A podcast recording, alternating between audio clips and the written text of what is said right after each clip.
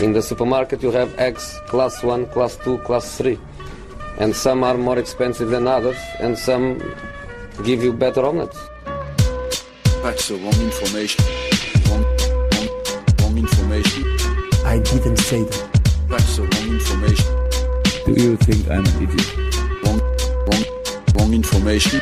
Now look at me when I talk to you. Your job is to tell the truth. That's the wrong information. Sillypodden, mina damer och herrar, är tillbaka sista gången innan deadline day blir det ju, för det är ju en helg som väntar. Sen är det måndag och då är det deadline day. Var är Patrik Syk? Vad gör du, Emma Koto? Kanske ni undrar. Jo, jag sitter här för att Syk är ja, vabbar eller vad man är väldigt upptagen i alla fall. Och eh, Frida är på vift med annat också borta i London. Men Emil Eiman Roslund sitter där mitt emot mig i alla fall. Stabil, ingen föräldraledighet, ingen, eh, ingen ledighet. Ingen ledighet är väl liksom ledordet för oss som eh, hoppar in och vikarierar och inhoppar och allt vad vi gör här på redaktionen. Jag har inte haft semester på 11 år, så vi kör.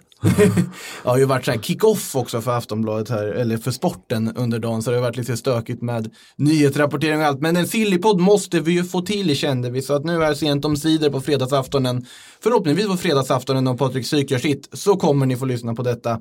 Eh, vad har vi att säga här då innan deadline? Det största som har hänt sedan man spelade in förra gången, det är väl ändå att Spurs har hittat en anfallare. Vad det verkar, Carlos Vinicius. Carlos Vinicius, eh, är väl, Benfica hade väl annonserat det idag att eh, han släpper vi. Ja, precis. Det är ju så att eh, Spurs har ju tagit spelare med lån på köpoption tidigare. Vi minns ju Gedson Fernandes man plockade förra vinterfönstret. Nu tar man alltså Carlos Vinicius. Vi pratar 25-åring, reslig, brasse, målfarlig brasse, 18 mål under sin säsong i Benfica här senast som då ja, Spurs plockar in här. Det känns väl spontant som en ganska bra lösning på en position man väldigt länge har försökt fixa till, eller hur? Eh, hur många var det nog, jag tänkte börja med, hur många var det som nervös kanske blev lite darriga i en hundradel sekund när man såg rubriken Vinicius till Tottenham. av Real, av Real Madrid-supportrar tänker jag. De var nog några stycken som och så var ah, okej. Okay. Tror du det ändå? Vinicius Junior sitter säkert. Det var i och för sig Hugo Kjelle, vår lyssnare här och frågade, diskuterar Vinicius Junior till Spurs också.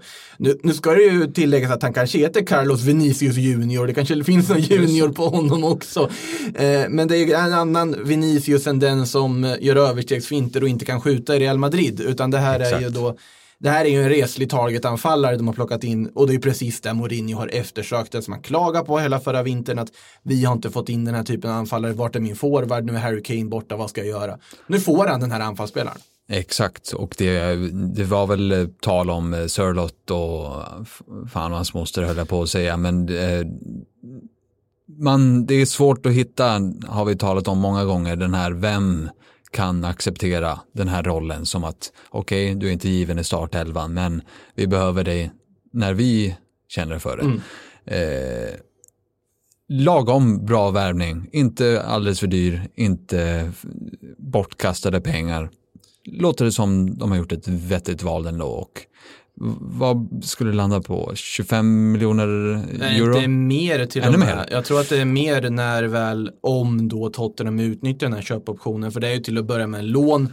Naturligtvis en hyra kan man väl säga att det är. För det är inte som att Benfica kommer ge bort honom gratis utan att Tottenham har någon form av obligation i det här sammanhanget. Då är den lite dyr kanske då, om det är, vad var det, 30 då? 35 alltså jag har kanske? sett 45. 45? Men är, nu, ska, nu kastar vi oss med siffror här utan att vi egentligen har något belägg för det. Som vi brukar göra i den här podden, ska ju tilläggas. Men i alla fall, det är ju ett lån med en Nej, det är faktiskt du. Ja, vi är mitt emellan mitt där emellan. vi pratar om. Det är ju 2,7 miljoner pund i liksom hyra. Med en köpoption på 38,2 miljoner pund. Detta då enligt Sky Sports. Ja, det är ju näst, närmare 500 miljoner kronor då ungefär. Så det blir, ja. blir en halv miljardsvärvning som man alltid säger att det blir. Med, med, här, forex-växling så får du 500 ja. miljoner kronor. Om du går direkt liksom på, på flygplatsen och försöker växla. Eh, då, då blir det nästan 500. Men i alla fall, det är som sagt, de får testa honom här. De ser hur han hanterar eng, liksom, engelska fotbollen, Premier League och så vidare. Han är ju ändå ganska oprövad sett att han har gjort den här. Han har gjort en ruskigt bra säsong i Benfica. Eh, sen är det ju Mourinho och portugiser, av förklarliga skäl, är ju också en kombination som funkar. Jag blir också nyfiken på Benficas vecka den senaste dagarna. De har alltså sålt spelare för 1,2 miljarder bara Ja, om du två- räknar då att optionen aktiveras. Oh ja, Ja. Eh, precis. Ruben Diaz-försäljningen känns som en bra försäljning måste jag säga också, även om City värvar en bra mittback så det är ganska Definitivt. mycket pengar de får för honom. Eh, där är det ju ingen option och hej och hå att tala om, utan där är det ju en övergång rakt av. När hade vi, förutom Ronaldo, har det varit eh, så många vettiga portugisiska anfallare i Premier League? Tänker du anfallare nu? Ja, räknar du in Nani som anfallare? Nej, Du räknar inte in Bruno Fernandes som anfallare? nej. Har Nuno Gomes gjort en vända börjar man tänka, eller Everton. Pauleta eller de här gamla gänget. Eh, det, hur många vettiga portugisiska anfallare finns det då? Alltså vi har haft ju Eusebio en gång i tiden, Cristiano Ronaldo, Figo vet jag inte man räknar som forward, men det är liksom centralforward, då tänker man ju Nuno Gomes med det här hårbandet och liksom långa svävande håret i EM 00, det är det man tänker på. En sån här spelare som var bedrövlig så fort han spelade klubblagsfotboll, men helt fantastisk när han var i landslaget. Eh, Minns, minns det säkert många av er som lyssnar också, Nuno Gomes, underbar fotbollsspelare. Eh, vidare då, det är alltså Spurs, det är ju klart då. Eh, Det har ju Benfica bekräftat och de brukar vara pigga i Portugal på att bara dra ut liksom, så här blir det.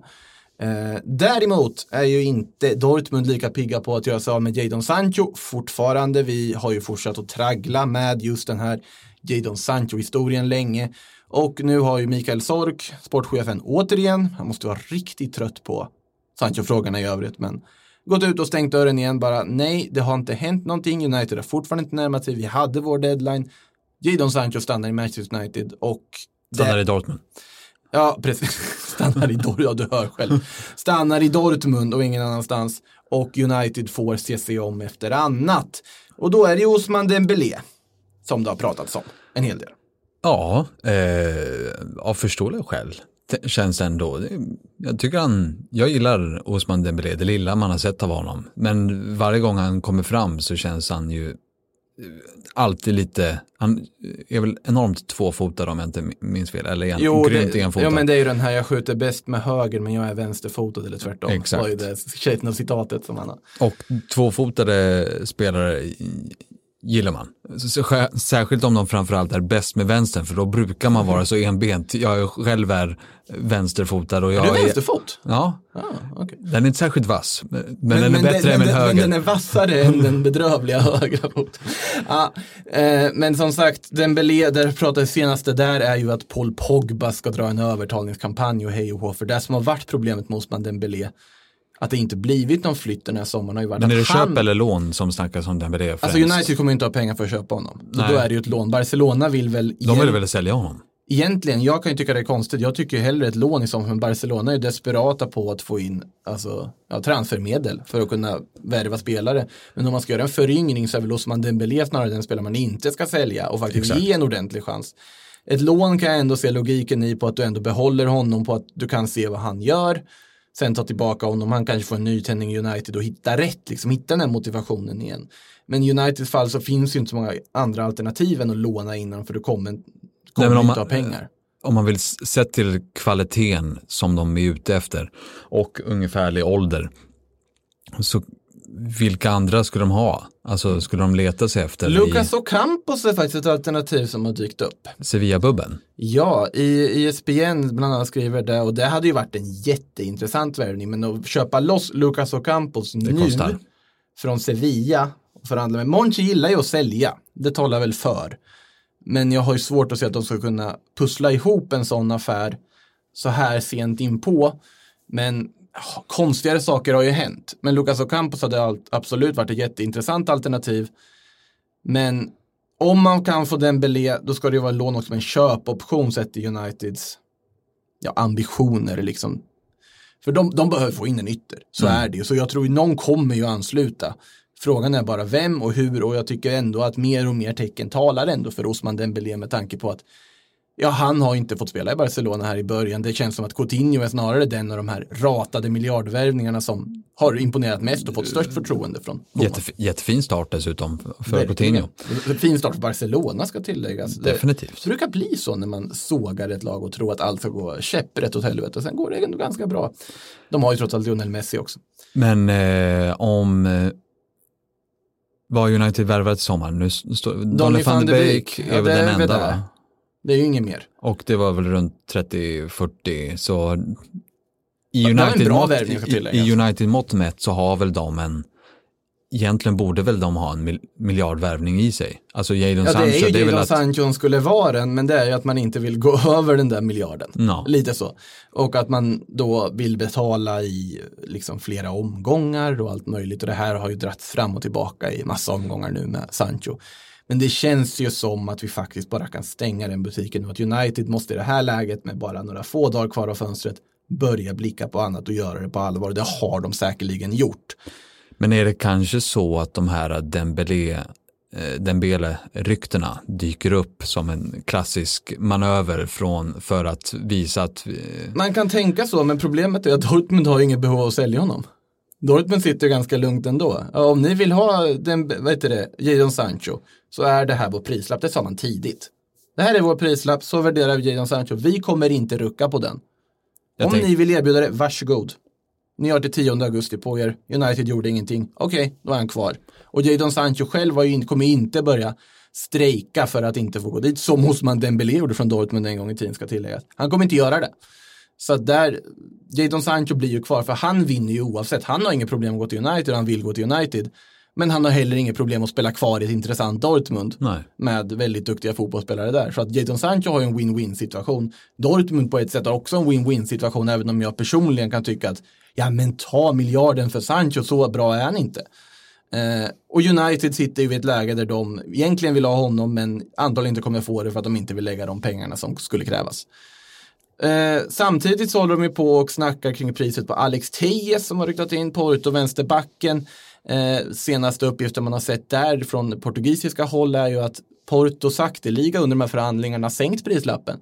Från början var det 25 miljoner euro, sen 20 miljoner euro, sen 15 miljoner euro. Manchester United bur ligger sträcker sig till runt 10 alltså låter ju väldigt lågt. Ja, alltså jag, jag sågade det här för två dagar sedan den här podden också. Att Okej. Ni får ju liksom, skärp er. Alex Tejes för 20 är så rimligt det kan bli. Det är så rimligt pris för en spelare i den åldern, med den kvaliteten och alltihopa. Jag höll drygt på att säga att när inte jag är med så lyssnar inte jag, därför jag inte visste att du sa det. det, jag, jag köper det ändå. Det är som mina, mina kompisar brukar säga, de lyssnar inte heller på den här podden för de säger, vi hör ju dig när vi sitter och pratar i Playstation Party hela tiden så det finns ingen idé att röst, lyssna på din röst mer än vad vi redan gör. De har en poäng i det, får man ändå säga. Men Alex Tejes känns väl som eh, va, varför? Va- Varför man inte bara betalar pengarna och värvar honom? Ja, det, det är en ytterst bra fråga. Det är väl att United har en, de ser väl ett visst värde i honom som är mycket lägre än kanske det värdet vi ser. Så är det ju alltid. Och sen är det ju så att det man funderar på med United är ju att det ofta slutar med att United ser ett lägre värde än vad vi andra ser. Alternativt att de ser ett högre värde än vad vi andra ser och betalar ett överpris i slutändan. Så att det, det finns, det är liksom antingen fullt eller inget. Vi får se hur det blir med den här vänsterbacksjakten, de har ju några dagar på sig. Eh, vidare då ska vi titta till vad som händer i den andra. Bra tempo här känner jag. Tycker riktigt du det? Bra, riktigt bra tempo. Det bara boom, boom, boom. Ja, ja, ja, det, tempo ska man ha. Ja. Det är viktigt. Vi är snart, snart vid deadline, liksom. måste hinna innan, innan det, klockan slår. Exakt. Eh, Erik Garcia Ja. i Manchester City har ju ryktats jättemycket till Barcelona. Av förklarliga skäl. Han är fostrad i Barcelona en gång i tiden. Han vill till Barcelona. Han vill inte skriva på nytt kontrakt med City. Eh, och det senaste verkar ju vara också återigen, där är det Barcelona som eh, hasslar med prislappen lite. Och Den här, blir, den här blir av tror jag. Han, Jag eh, tror han, också det. Han, det kändes som att eh, Ruben Diaz, eh, Otamendi-vändningen där. Det blev, Ake har kommit in. Du har Diaz, Ake, Laporte, Fernandinho man räknar som mittback, John Stones. Tror till och med att Guardiola när han räknade upp mittbackar inte nämnde Eric Garcia nyligen också. Så att han är ju borträknad. Frågan är om Barcelona kan ge dem pengar som de vill ha. Det sägs ju att Barcelona har erbjudit väldigt lite pengar. För de har inga pengar, återigen. Och med tanke på den kontraktssituationen att man då skulle kunna få honom för typ 10 miljoner euro. City kommer inte släppa honom för det, då behåller man honom ett år till. Men då kommer han gå gratis nästa sommar. Så förr eller senare hamnar ju Eric Garcia i Barcelona. Frågan om det gör det här fönstret eller inte. Jag tror ju det löser sig det här fönstret, för de måste ha in en mittback.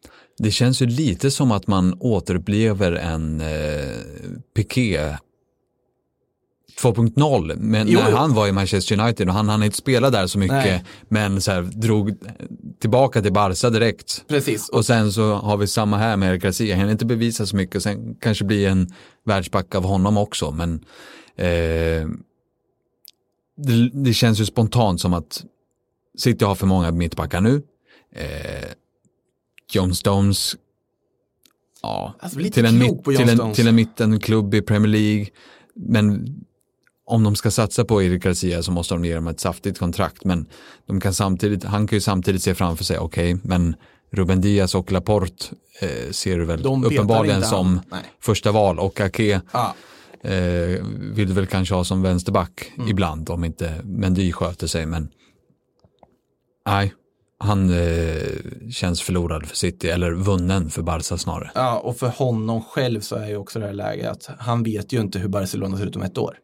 Nu finns ett intresse att han faktiskt kommer in och får speltid i Barcelona. Det är inte någonting som man alltid kan förutsätta att den chansen kommer finnas. Och kanske den här, nu har det bara varit några omgångar, men sett till ändå hur de har sett ut Barca i den här starten, så vad fan, och så polarna där nere säger, det är inte så dumt ändå. Det Ja, är, eller- visst, Messi-bråket, är, det var stökigt, men det kommer lösa sig längre fram. Men det säger ju en del också, nu, nu är ju Umtiti har ju sina skadeproblem och ska väl ryktas, ska väl bort också innan fönstret stänger på ett eller annat vis, vad det verkar. Annars sitter ju han i en rejäl frysbox. Men i, nu senast här mot Celta Vigo när Longley och Piqué hade någon sån här intern tävling vem som kunde ta ett rött först, Longley vann den för övrigt. Så då var det ju Araujo som kom in från egna leden, så att det finns ju en jättelucka i den här försvars, liksom uppsättningen. Så att det är en jättelogisk värvning på alla sätt och vis. Den tror jag också sker, kan vi säga. Eh, vidare till Italien. Ska vi, jag. in, ska vi, nu bryter jag dig Makoto, men Du förlåt, ska vi så här, av de vi eh, har nämnt hittills, Ja, Ska vi, ha, ska vi gissa så här innan det här avsnittet är slut hur många som kommer inträffa innan deadline day? Vi gör det sen. vi gör det sen. Men Jag- jag, jag jag, tar kan den säga händer. Ja. Garcia händer, det, det tror jag. Eh, Jag skriver upp sen. skriver upp ja, så, så får man skiten sen efter.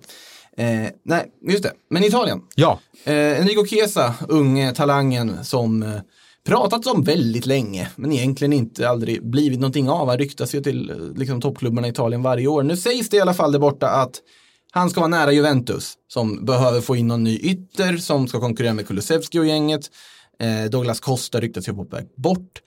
Ja, det är ju mer rätt än många andra värvningar Juventus gjort på sista tiden. Det är någon lovande spelare, men jag kan ju inte hjälpa att jag är lite tveksam ändå. För och han har han inte ska inte riktigt till vänster eller? I Ja, han deras- kommer inte gå in från start. Nej. Det har jag väldigt svårt att se.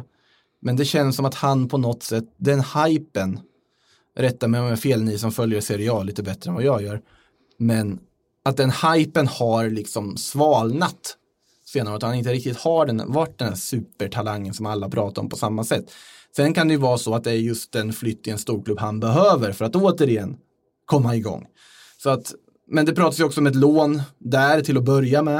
Eh, jag kan tycka att det är en vettig värvning för Juventus behöver ju föryngra. Så att vi kan ju bara konstatera att det är ju en av de puckarna som, som vi har att behandla när det kommer till Juventus här inför slutet. De kommer ju säkert också göra saker innan det här fönstret stänger. Eh, Awar pratas det ju också om till Juventus. Mm. Han pratas det om till andra klubbar med. Eh, om vi säger så här då, vi var inne på det också lite här, det är ju också återigen här, mycket handlar om det här, kommer klubbar betala de priserna som den säljande klubben kräver? Mm. Och i Arsenals fall så har man ju inte riktigt varit nära att nå en överenskommelse med Lyonen, med José Mawar. Eh, vad tror du Emil, tror du att det kommer bli av någonting med José Mawar i slutändan? Eh, inte till Arsenal åtminstone. Jag tror inte att han hamnar där. Eh, Vilka, jag tror inte Juventus kommer lyckas om vi säger så. Nej, alltså det känns ju som en, vart ska, han kommer ju garanterat bli kvar.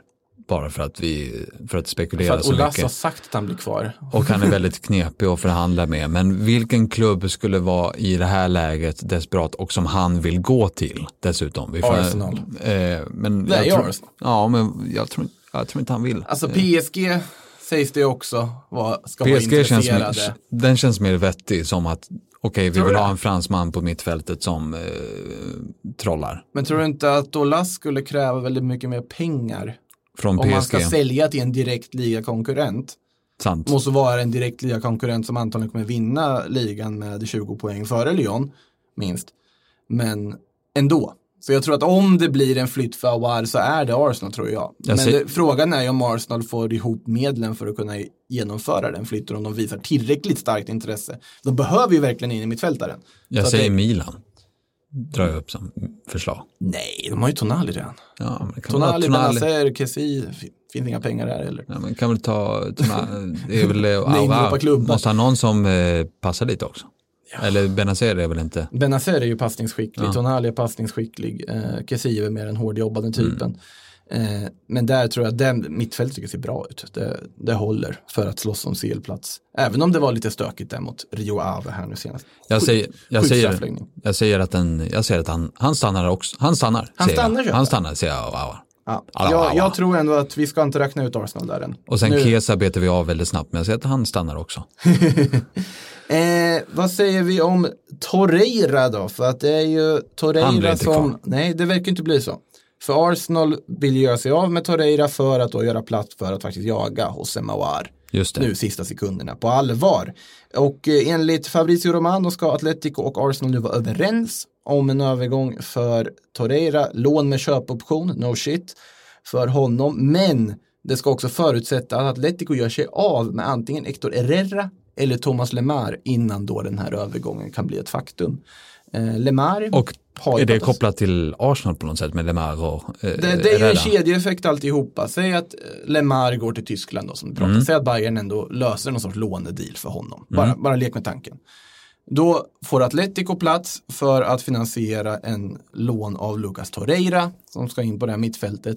Det i sin tur innebär att Arsenal har blivit av med en lönepost som gör med att de har pengar så då kanske de kan höja sitt bud på José Mawar och så vidare. Så på så sätt så har det ju en effekt. Jag personligen, alltså jag tror Torreira kan få en nytändning under Cholo Simeone och jag tror att det kan bli väldigt bra om han, Men han platsar väl inte i Atletico? nej, men han kommer ju inte gå in som första val. Det har jag väldigt Nej. svårt att se.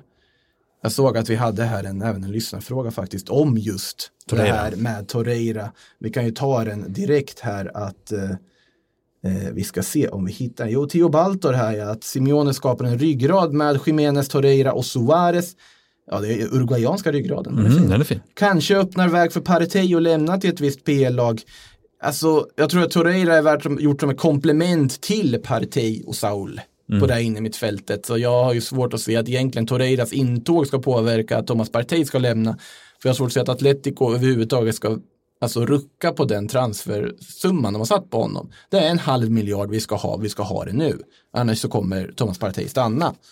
Och Thomas Partey är också i ett win-win läge där han, ja alltså han mår väl jättebra att vara kvar i Atletico och ha större, vad jag, större förtroende än vad han kanske haft tidigare. Och han skulle inte ha någonting emot att flytta till Arsenal heller. Nej. Så att, men jag tror Partey stannar. Partey stannar. Jag Ja. tror att eh, Torreira blir inte kvar i Arsenal. Men jag tror inte att han hamnar i Atletico. Jag tror han hamnar Atletico. Jag tror att han drar till, tillbaka till Italien och för att hitta Alltså tryggheten han hade. Torino-spåret ska upp igen. Ja, varför inte? Ja, nej, det känns som att Atletico-historien har gått så långt så där, den, nu ska man inte räkna saker som klart då, vi kommer till Det var, ju, det var ju väldigt många steg som behövdes för att den där Torreira-övergången till Atletico Ja, det är skulle ju gå bara att de igenom. måste göra sig av med Hector Herrera, eller Lemar. Och det tror jag att man ändå kan lösa på Ja, det är knepigt i fotbollsvärlden. Vet. Det blir intressant att se vad som händer de sista dagarna. Eh, Jag säger, är, eh, Torreira säger jag till... Eh, nu höftar du bara. jag höftar. Ja, men jag säger Italien, säger jag. Ja. Eh, däremot någon som blir kvar, om man ska tro The Guardian, det är Dele Alli som jag har ryktats bort lite överallt. Eh, det har ju varit snack om ett Paris-intresse bland annat.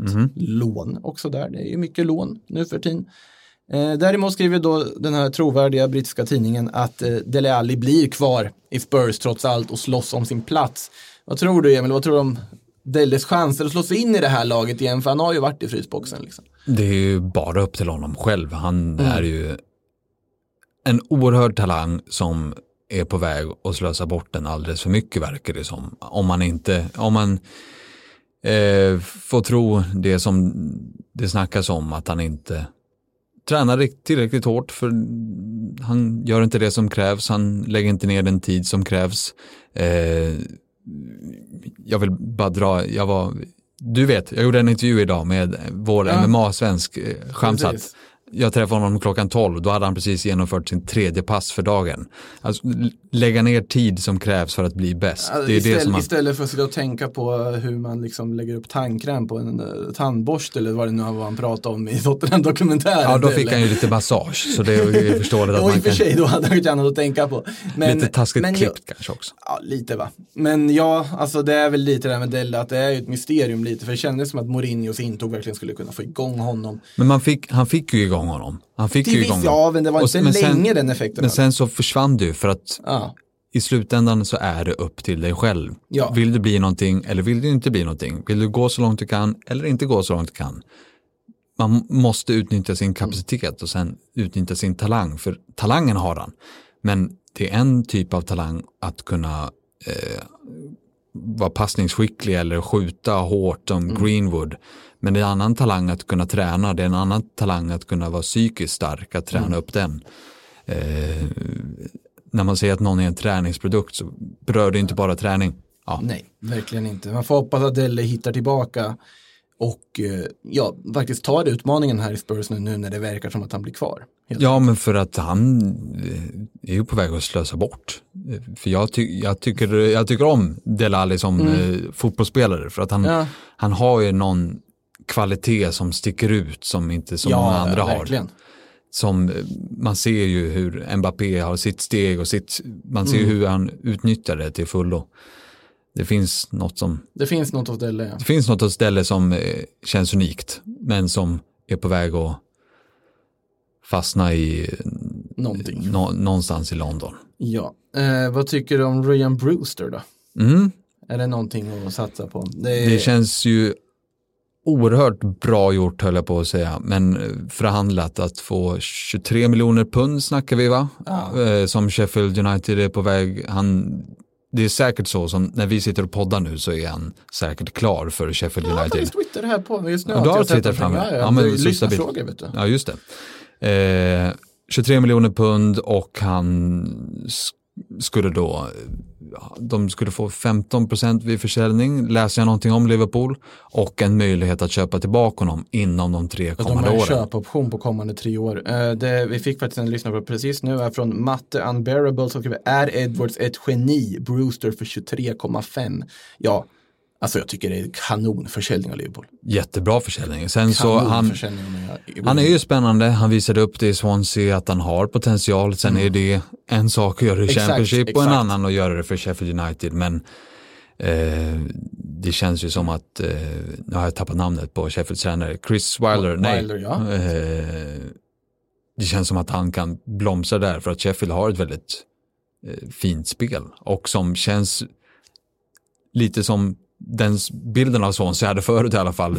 Men eh, Brewster, Ja. det blir kul att se honom i, på riktigt i ett Alltså lag. Sheffield kommer ju finnas chans till speltid. Jag menar, de är ju i desperat behov av att få in en forward. Men om man lägger då de pengarna som Sheffield Ja, United, då det här kommer han. bli hans, det här blir väl deras dyraste värvning genom Ja, det tiderna. blir den väl. Han är ju dyrare än Sander Berge i sånt fall. Ja, för han var väl Berge runt gick väl för 18. 22 miljoner euro till och med, tror jag. Jag tror det var Och det 18 var den dyraste de någonsin gjort. Uh, Brewster här, alltså bara det faktum att de har spelat Ollie Burke som anfallare de senaste matcherna. Det säger det mesta om hur, vilken stor brist på forwards det har varit i det här laget. Och han har väl du i ditt eh, Premier League-lag? Vi behöver inte prata om mitt fantasylag, det, det är, det tra, vad heter det?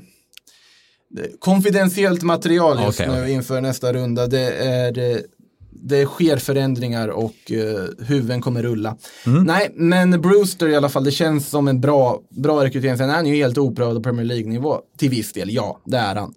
Så att, men jag tycker ändå att Sheffield, det är dyrt.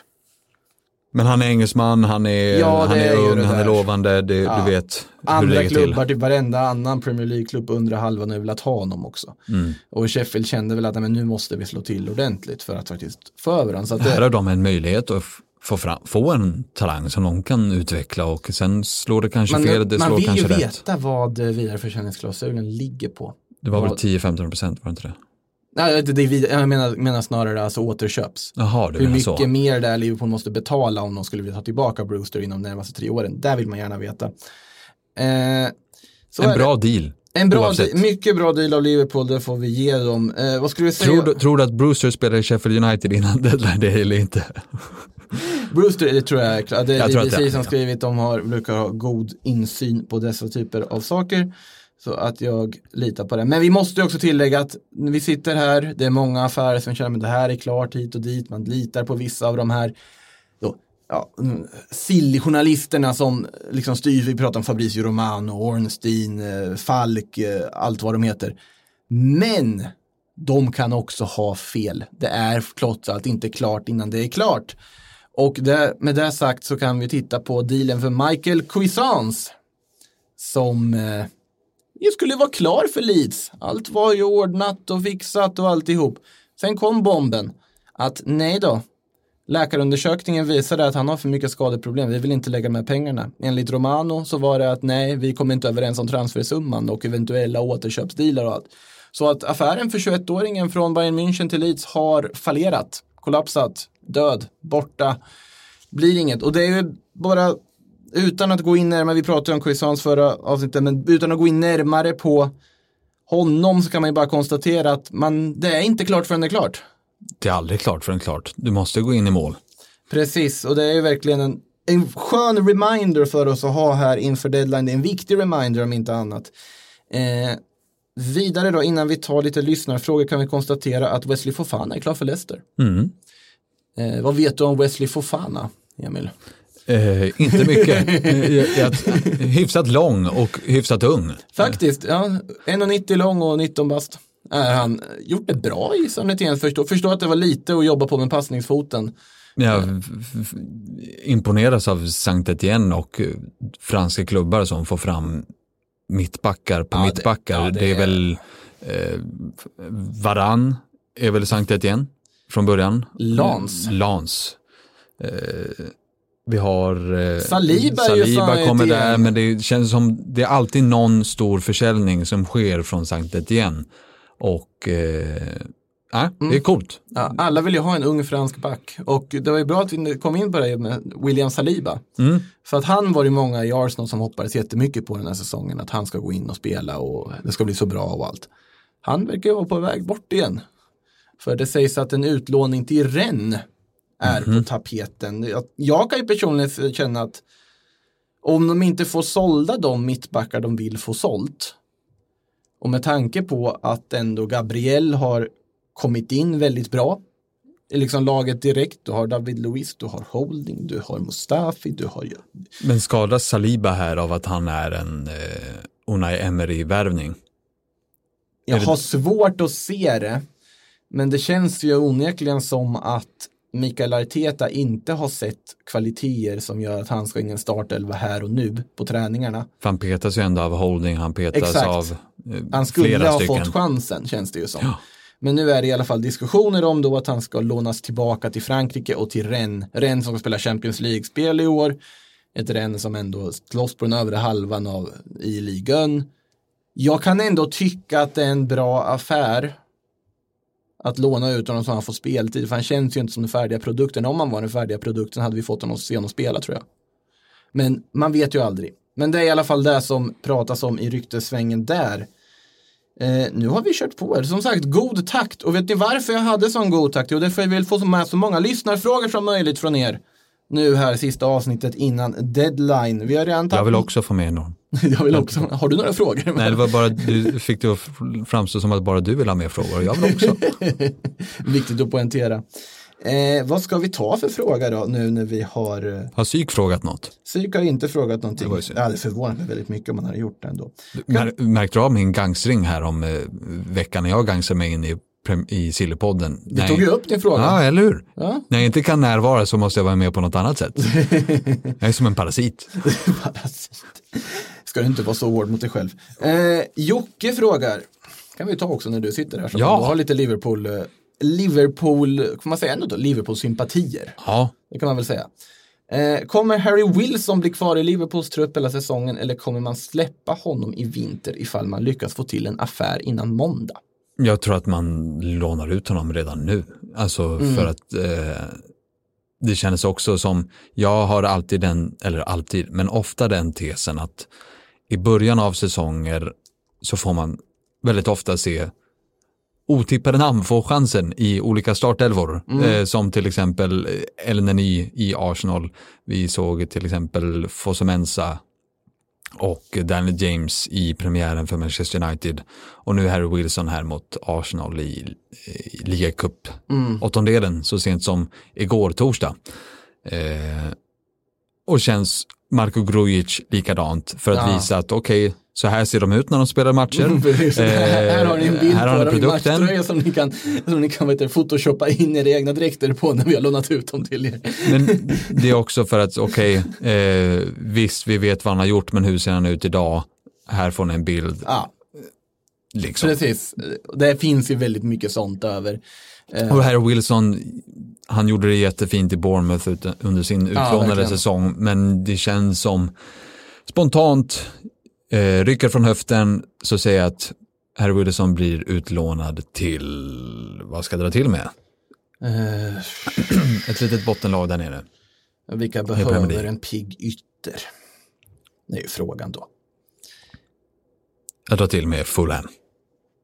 Ja, de skulle faktiskt kunna Fast det en kanske för dåligt. Nej, Nej, jo, jag, är jag till ungefär Fulham. De behöver Fulham ju få jag. någonting som förstärker dem liksom rakt ner för det känns, ser ju inte bra ut där. Ja, de behöver försvara det i synnerhet. Men eh, Fulham drar jag till med, Mm. Harry Wilson. Jag Danne, jag- ja, T här, han säger, nu pratar vi för sig om det, men skippa United och Liverpool och kör lite på vad de andra klubbarna i Premier League gjort.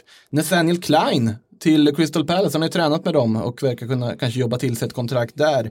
Godfrey till Everton pratas det om, eh, där då man har budat på den här Norwich-backen utan att nå någon framgång ännu.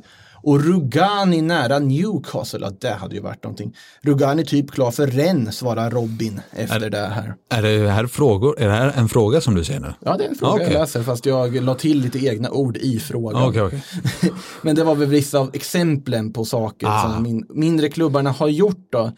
Daniel Rugani, Rennes eller Newcastle. Det känns också som en spelare som han måste ju bara hitta rätt och få förtroende och speltid och någonting. Det blir inte så mycket mer av honom känns det som bara. Nej, det gör ju inte det. Bara att han är, Alla är har i, en viss nivå i sig. Han är ju liksom, han kopplas ju till Valencia, det säger väl det mesta om hur illa det har gått för honom. Eh, på tal om just det här med mindre Premier League-klubbarna frågar Fredrik Gustafsson, kommer Burnley sälja Tarkovski? Nej, det verkar väl inte som det nu. Alltså om man är så coola som de är som säger nej tack till, eh, vad var vi uppe i från West Ham, 30 miljoner pund. Ja. Eh, så kommer han inte säljas. För de hade den här klausulen till eh, topp, eh, topplagen var väl på 50 miljoner pund. Och om han, Mm. det är också, vad ska Tarkovsky till West Ham att göra? Alltså de behöver ju en mittback. Nej men mest för hans egen, Jo men precis, det är lite så jag känner också. Ja, om man ska gå någonstans ska han väl gå till kanske ett lite bättre lag i Premier League. Typ Leicester som har ryktats. Leicester vore mycket mer logiskt. Och Men de har ju pro- Fofana. Då får han ju, skulle, skulle han ju fått spela i Europa League och han skulle få en ny utmaning. Ja, det känns som att han blir kvar, måste man väl säga. Han stannar. Ja. Eh, Johan Lindström frågar sig, Grujic till West Ham och Rice kan lämna för Chelsea. Eh, ja, Grujic har det pratat lite om till West Ham.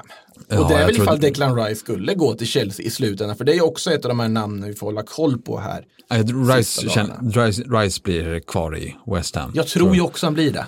Eh, Men eh, ett lån till West Ham vore rätt logiskt ändå Mm. för Grujic. För det känns ju som, eller de har ju, de satsar väl lite på, eh, vad heter han, Zuzek. Zuzek som, Fast de behöver ju båda. Men alltså det skulle ju vara kul för Grujic del också, för han är, han är ju stor och att han på mittfältet. Och att få se honom lite i Premier League, för han har varit utlånad Mm. Ja. i Bundesliga i svängar, men han vet ju att framtiden Liverpool, den finns inte. För jag vet inte Nej, hur, det hur finns ingen får plats man, jag alltså, i det mittfältet, så det är ju bara, det, det kommer ta tid innan han tar sig upp i hierarkin där. ja. För han har Fabinho, han har Henderson, han har eh, Keita, han har Wijnaldum, ni vet, han har Thiago, han har eh, James Miller, alla de framför sig. Curtis Jones. Curtis Ja. Jones, Det, vad, vad du än säger så det är ju, det är ju verkligen många före. Så att, men en utlåning till en annan Premier League-klubb hade ju varit klockrent för Liverpools del i det här läget. Kanske till och med en försäljning beroende på hur mycket man än tror på honom i framtiden. det, sälj honom. Ja. Det, det är lite Till- samma lite som, så, ja. gör lite samma sak som med Brewster, fast han har ju inte lika mycket potential, men, för men försäljningsklausul. Ja. Eh, Leeds-Jocke frågar, Diego Llorente har inte nämnt för Leeds, kommentar på den? Ja, alltså det är ju en spansk landslagsback. Men samtidigt så har jag haft mina tvivel kring Diego Llorentes egentliga kvalitet lite här på sista tiden. Han har inte riktigt varit på topp. Han har varit drabbad av skador ganska mycket. Det är en ganska saftig summa, må så vara att han kanske inte är jättenära 30 än i ålder, väl? Eller, vi har ju fan pratat om Diego Llorente en gång förut har jag för mig. 27 är han precis. Och eh, jag har mina tvivel för att betala 20 miljoner euro för den här skadedrabbade 27-åringen, även om det är en frisk Diego Llorente, en väldigt, väldigt bra mittback. Som sagt, spansk landslagsback fortfarande, det är inte, det är inget skämt de har hämtat. Men jag har mina små tvivel. Jag hoppas att det går jättebra för Diego Llorente i Leeds så att han, får, han och Robin Koch kan bilda ett riktigt fint försvar.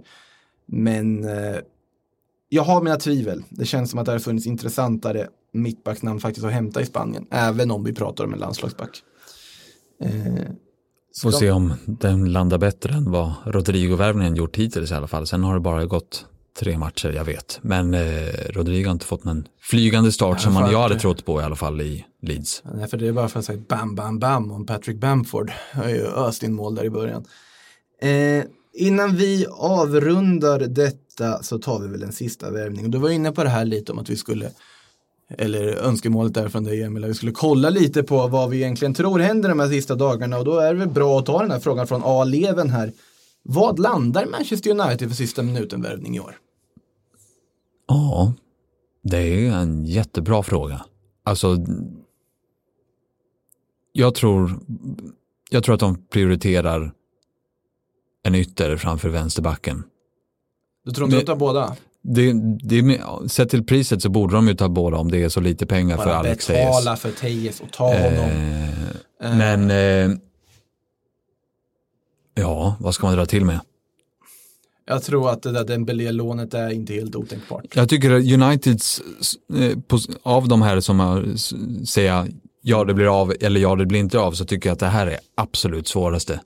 För, ju det. för att Dortmund är svåra, Lyon är också knepiga, men Dortmund är svåra att förhandla med, Lyon är knepiga att förhandla med.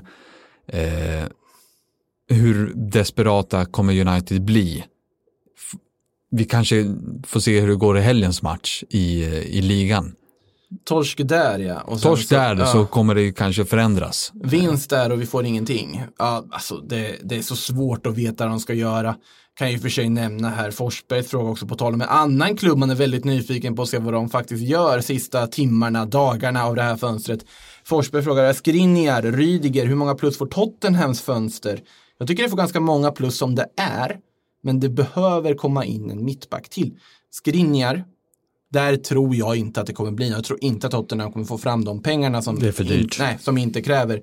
Rydiger är en intressant switch där om man skulle få igenom den. Jag vet inte hur det skulle funka och hur mycket han skulle förbättra nuvarande backuppsättning. Men de behöver ju få in mer folk helt enkelt i den mittbacksleden. När Fertongen har försvunnit som du inte har ersatt. Eh, så att eh, någon mittback till Spurs tror jag kommer hitta in innan fönstret stänger. Frågan är vem, hur, om det är ett budgetalternativ eller en liksom Sett till, premiumvärvning.